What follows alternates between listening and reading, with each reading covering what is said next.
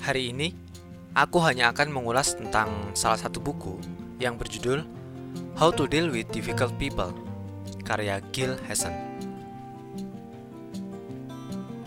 Jadi secara manusiawi, apabila kita dihadapkan dengan orang yang baik, maka kita akan membalas dengan sikap yang baik pula kepada mereka.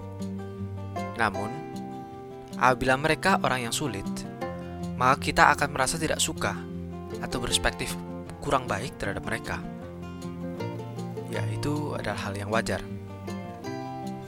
Kita pun diingatkan bahwa sejatinya kita tidak bisa langsung mengubah perilaku seseorang. Satu-satunya hal yang bisa kita ubah adalah bagaimana kita merespon dan menghadapinya. The thing is you can't directly change other people's behaviors. The only thing you can change is how you respond and deal with it. Kill 2015 Seseorang yang sulit sering kali akan berperilaku eksplosif dan tidak etis. Mereka mungkin orang yang tidak percaya kepada kita, tidak percaya karena menghindari apa yang mereka pikirkan dan rasakan. Mereka juga orang yang negatif dan kritis tanpa solusi, tanpa menawarkan alternatif yang konstruktif dan membantu kita. Setiap menghadapi orang-orang tersebut, tentu dengan treatment yang berbeda-beda. Pada orang yang melakukan tindakan tidak adil terhadap kita, maka kita hanya perlu menarik diri terhadap mereka, menghindari konfrontasi, atau bahkan justru tetap diam.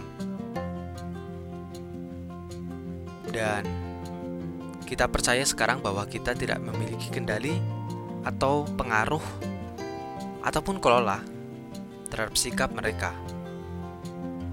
Namun, pada dasarnya, kita bisa menghapus kepercayaan lama dan menggantinya dengan sudut pandang yang lebih positif untuk melihat sesuatu atau menjelaskan sesuatu.